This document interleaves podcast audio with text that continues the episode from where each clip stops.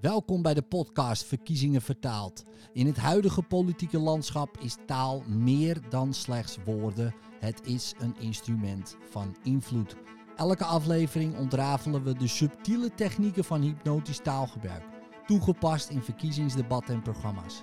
Verrijk uw inzicht, begrijp niet alleen de inhoud, maar ook de impact van taal en maak zo wel overwogen keuzes. Laat je inspireren om zelf ook effectiever te worden in je communicatie. Blijf op de hoogte en word zo een nog meer geïnformeerde kiezer. Hallo dames en heren, welkom bij Verkiezingen Vertaald. En dit keer heb ik het verkiezingsprogramma van 50 plus. En ik moet toegeven, ja, dit wordt waarschijnlijk een hele korte aflevering, want het heeft maar 15 pagina's. Ja, u hoort het goed. 15 pagina's. Waar D66 het doet met meer dan 240 pagina's, doet 50 plus het gewoon in 15 pagina's. En misschien komt het wel omdat het voor 50-plussers is. En ik schaam mij daar bijna ook onder. Als 48-jarige ben ik ook bijna 50 en bijna 50 plus mocht ik het halen. Uh, eh, 15 pagina's, nou laten we bekijken dan. We gaan kijken. Vertrouwen bouwen. Nou, om het vertrouwen in de overheid te herstellen heeft Nederland een evenwichtig beleid nodig. Solidariteit tussen kinderen, ouders en grootouders is daarvoor een voorwaarde. Samenhorigheid vormt de basis van ons maatschappelijk functioneren. Studenten, werknemers, ondernemers en gepensioneerden hebben alle belang bij een overheid die zich aan haar afspraken houdt. De oplossing is niet rechts of links, maar eerlijk en transparant. Nou, dat klinkt mooi. Ja, ik uh, denk dat ik er zo doorheen ben. dus uh, ik ga toch even kijken naar wat punten. Uh, en dan gaan we zekerheid van inkomen. en in het programma van de 50 plus staan allemaal punten. Puntsgewijs. En die punten ga ik even niet allemaal af. Maar wel van wonen, onderwijs en zorg. Wat ik bij de andere partijen ook doen. Maar hier valt me één puntje alvast op. Ja, dames en heren, 50 plus wil dat kleine verkeersovertredingen minder zwaar bestraft worden. De maximale boete voor een administratief af te handelen verkeersboete wordt op 500 euro gesteld. Oké, maximale verkeersboete. Uh, maar er staat niet hoeveel dan als het minder zwaar bestraft. Nou goed, zekerheid van inkomen. 50 plus zet in op financiële weerbaarheid van jong en oud. Werken moet lonen. Wij zijn tegen leeftijds- en naamdiscriminatie in het algemeen op de arbeidsmarkt en de overheid. 50 plus wil een compensatiepakket voor gemiste indexatiejaren. De AOW blijft de hoeksteen van onze welvaartsstaat. De hoogte van de uitkering, de koppeling aan het minimumloon en de fiscale behandeling mogen niet aangetast worden. 50PLUS wil een minimumtarief invoeren voor ZZP'ers van tenminste 200% van het minimumloon. Als mensen minder verdienen dan 200% van het minimumloon, dienen de werknemersrechten beschermd te worden. Oké, maar een ZZP'er is toch geen werknemer? Hmm, die snap ik dan niet helemaal. Um, maar goed. 50PLUS wil de solidariteit tussen familieleden en vrienden stimuleren en kiest dan ook voor het afschaffen van het van de kostendelersnorm voor alle uitkeringen. Oké, ik dacht even dat ze het op een andere manier gingen stimuleren dat u weer vaker naar uw familie gaat, maar dat uh, is dan niet zo. Zorg en welzijn. De kosten voor de zorg reizen de pan uit, maar bezuinigen kan niet betekenen dat mensen die zorg nodig hebben aan hun lot worden overgelaten. Om de schaarste middelen en menskracht te verdelen, moeten prioriteiten worden gesteld. Maar geen leeftijdsdiscriminatie. Ja, dus niet uh, u bent 80 plus, u krijgt helemaal geen zorg meer. 50 plus wil alle artsen en specialisten in loondienst brengen. Aha, dus de ZZP'ers moeten eruit. Dus dat is ook een punt. Ik ben dan benieuwd uh, of ze dat ook dan gaan doen. Alle basiszorg gaat terug naar de overheid. Oké. Het eigen risico is een onevenredig zware belasting voor kwetsbare groepen. De solidariteit wordt benadrukt door dit naar 0 euro terug te brengen. Ah, eigen risico 0 euro. Tandheelkundige basiszorg hoort in het basispakket, maar of het er ook in komt, ja, dat is dan weer uh, vraag 2. De huisarts speelt een centrale rol in de zorg voor ouderen en moet voor iedereen beschikbaar zijn. Moet weer de vertrouwenspersoon van de mensen worden. Ja, maar goed, uh, hoe gaan we dat dan doen? Parkeerkosten bij ziekenhuizen en zorginstellingen worden verlaagd, waar mogelijk tot nul. Coronatijd heeft PTSS veroorzaakt. Oké, dat is ook een hele interessante oorzaak-gevolg-redenatie. Um, die niet ja, wordt nou ja, onderbouwd. Dus ja, interessante stelling. Um, maar goed, als u denkt, ja, inderdaad, dan is alles daarna ook waar. Um, maar ik vraag me dat toch af of dat zo is. Misschien wel voor een paar mensen. Maar om nou te zeggen dat het voor mij PTSS heeft veroorzaakt, uh, nee. Meer aandacht en tussen haakjes financiële waardering voor medewerkers in de zorg. Maar er staat niet bij hoe en wat precies. Wonen en bouwen. Met een gerichte impuls voor woningcorporaties zet 50PLUS in op de realisatie van meer betaalbare seniorenwoningen in het lage en middensegment met zorgfunctie en aansluiting op openbaar vervoer. Ten behoeve van de financiering kunnen senioren met een hoger middeninkomen ook meedoen, maximaal 25%. Uiteraard gaat het over de senioren, maar u weet misschien ook wel, ja, dat wordt op een gegeven moment en is het misschien al de grootste groep in Nederland. Uh, versoepeling van bestaande regels. Daarmee wil 50PLUS kleinschalige wooninitiatieven vanzelfsprekend maken. Denk dan aan kangeroe-woningen, kleine groepswoningen en meer generatiewoningen. Met de genoemde hervorming van belastingen, sociale zekerheid en toeslagen maken wij dit ook fiscaal aantrekkelijk. Ja, er staan allemaal punten. Er staat niet per se bij uh, hoe dat dan gaat gebeuren. Ja, bijvoorbeeld hier bij de huisvesting van asielzoekers moet rekening worden gehouden met evenredige spreiding. Ja, wat betekent dat precies? dus uh, gaan we dan per asielzoeker, gewoon als er tien binnenkomen, verspreiden we ze over tien provincies? Of is dat dan weer anders? families, gezinnen toch wel bij elkaar, denk ik dan.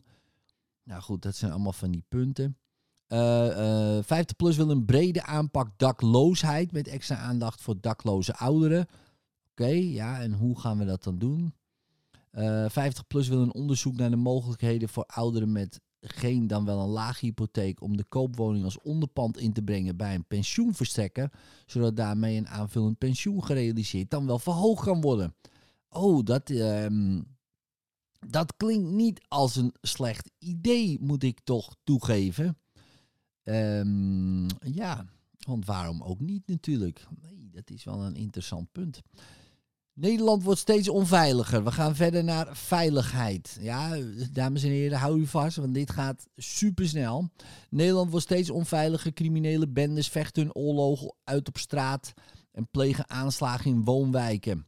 Groepen zakkenrollers en inbrekers stropen het hele land af. Winkeldieven en overlastgevers zijn na arrestatie vaak dezelfde dag weer op straat. 50 plus wil dat we weer veilig over straat kunnen, dat we veilig zijn in onze huizen. Ja, ik weet niet hoe het bij u thuis is, maar ja, ik voel me prima en gaat bij mij prima. Dus, maar ik snap misschien bij u niet. Dus wat doet 50 plus? Wijkagenten moeten terug in de wijk. Lokale politiebureaus weer. Oh ja, net als vroeger. Alleen ja, wie gaat dat dan betalen? uh, ontmoedigingsbeleid voeren ten aanzien van alcohol, drugs, gokken en gamen. Buitenlandse bendes worden actief opgespoord, uitgezet en in heel Europa gesignaleerd. Banken dienen identiteits- of pasfraude vroegtijdig te signaleren.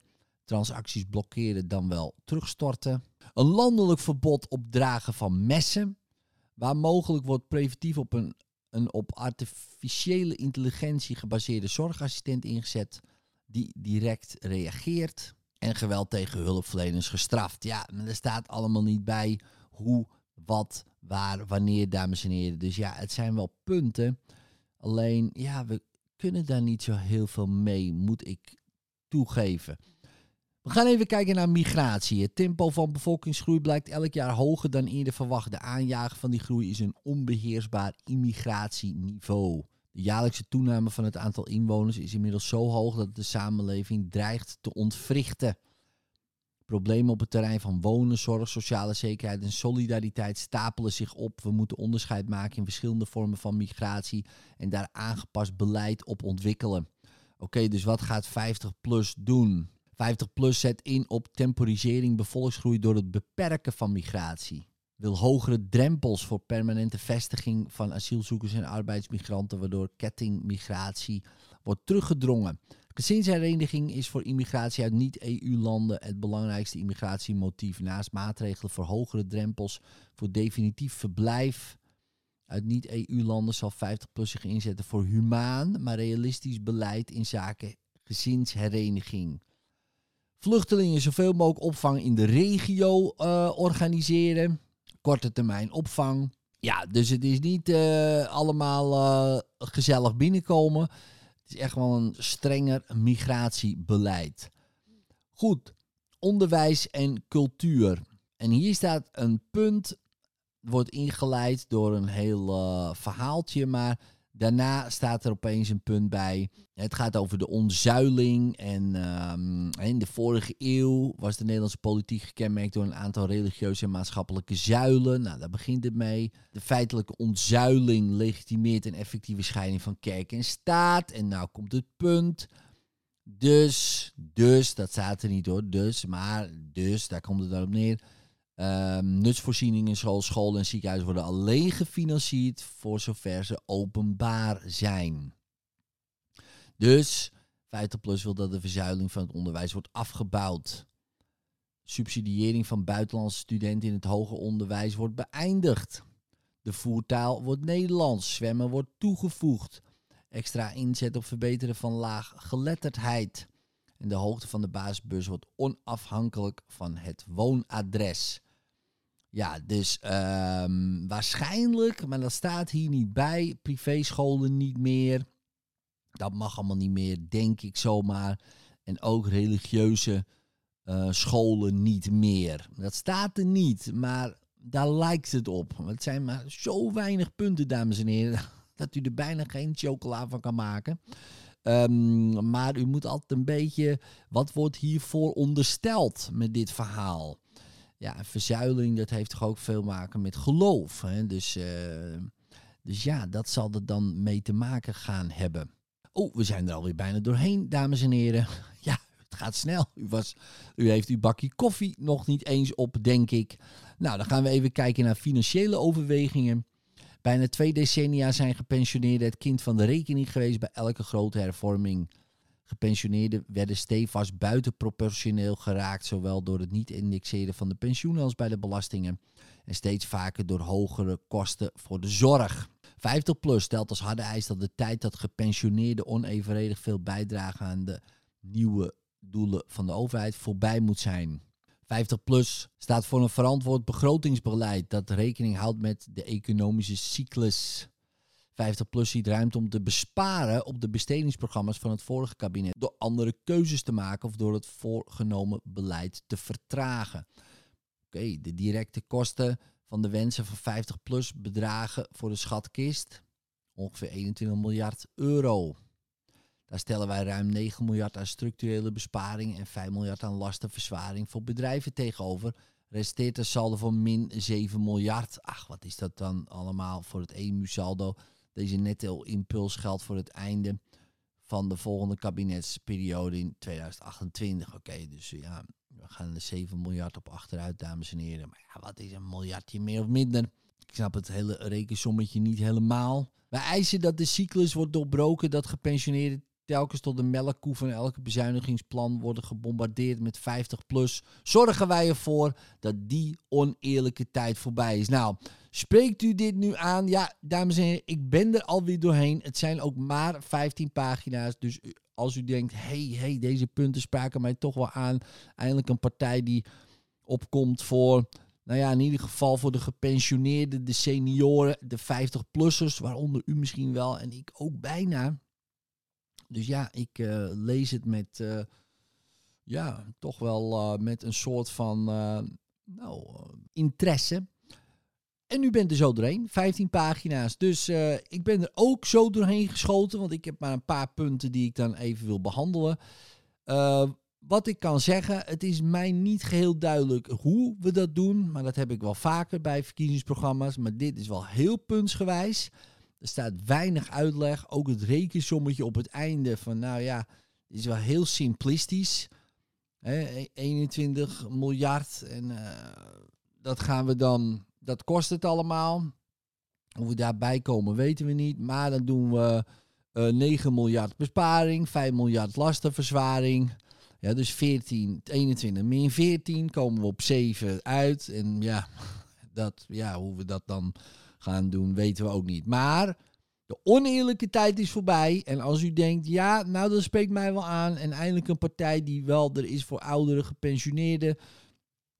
En zich daar hard voor maakt. Um, en ook misschien wel een regel doortrekt dat u uw pensioen misschien wel um, kan verhogen door uw huis te gebruiken als onderpand. Nou, dat zijn toch geen zijn interessante punten, moet ik toegeven. Nou, misschien vindt u dat ook wel. En denkt u, hé, hey, mijn stem gaat misschien wel daarheen. Nou, in ieder geval, um, dit helpt u misschien weer om een beter geïnformeerde stemmer te gaan zijn op 22 oktober. Tot de volgende aflevering.